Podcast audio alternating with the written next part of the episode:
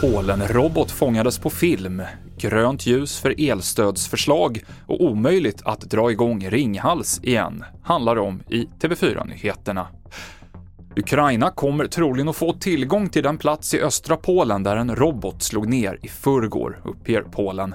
Just nu så leds utredningen av ett polsk-amerikanskt team och enligt en rådgivare till den polske presidenten så finns det en kort filmsekvens från händelsen. Både Polen och NATO har sagt att det troligen var en ukrainsk robot som var avfyrad i syfte att träffa en inkommande rysk robot som slog ner på den polska landsbygden och dödade två personer. Och avtalet om spannmålstransporter från Ukraina förlängs i fyra månader, bekräftar FN.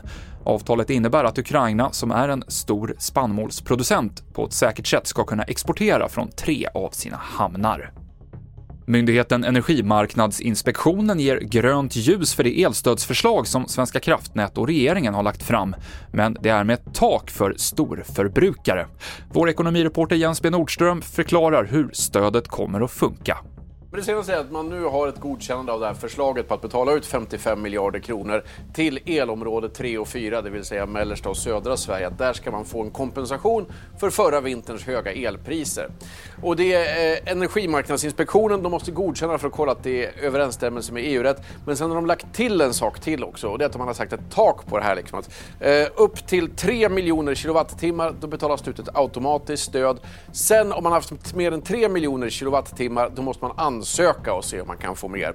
Det här kommer nog framförallt att inrikta sig mot företag, att de som har den här sortens stora. Men det innebär också att det, man får inte mer än 1,5 miljoner i elområde 3 och 2,37 miljoner kronor i elområde 4. Där ligger taket. Vill man ha mer, då måste man söka. Sa Jens B Nordström.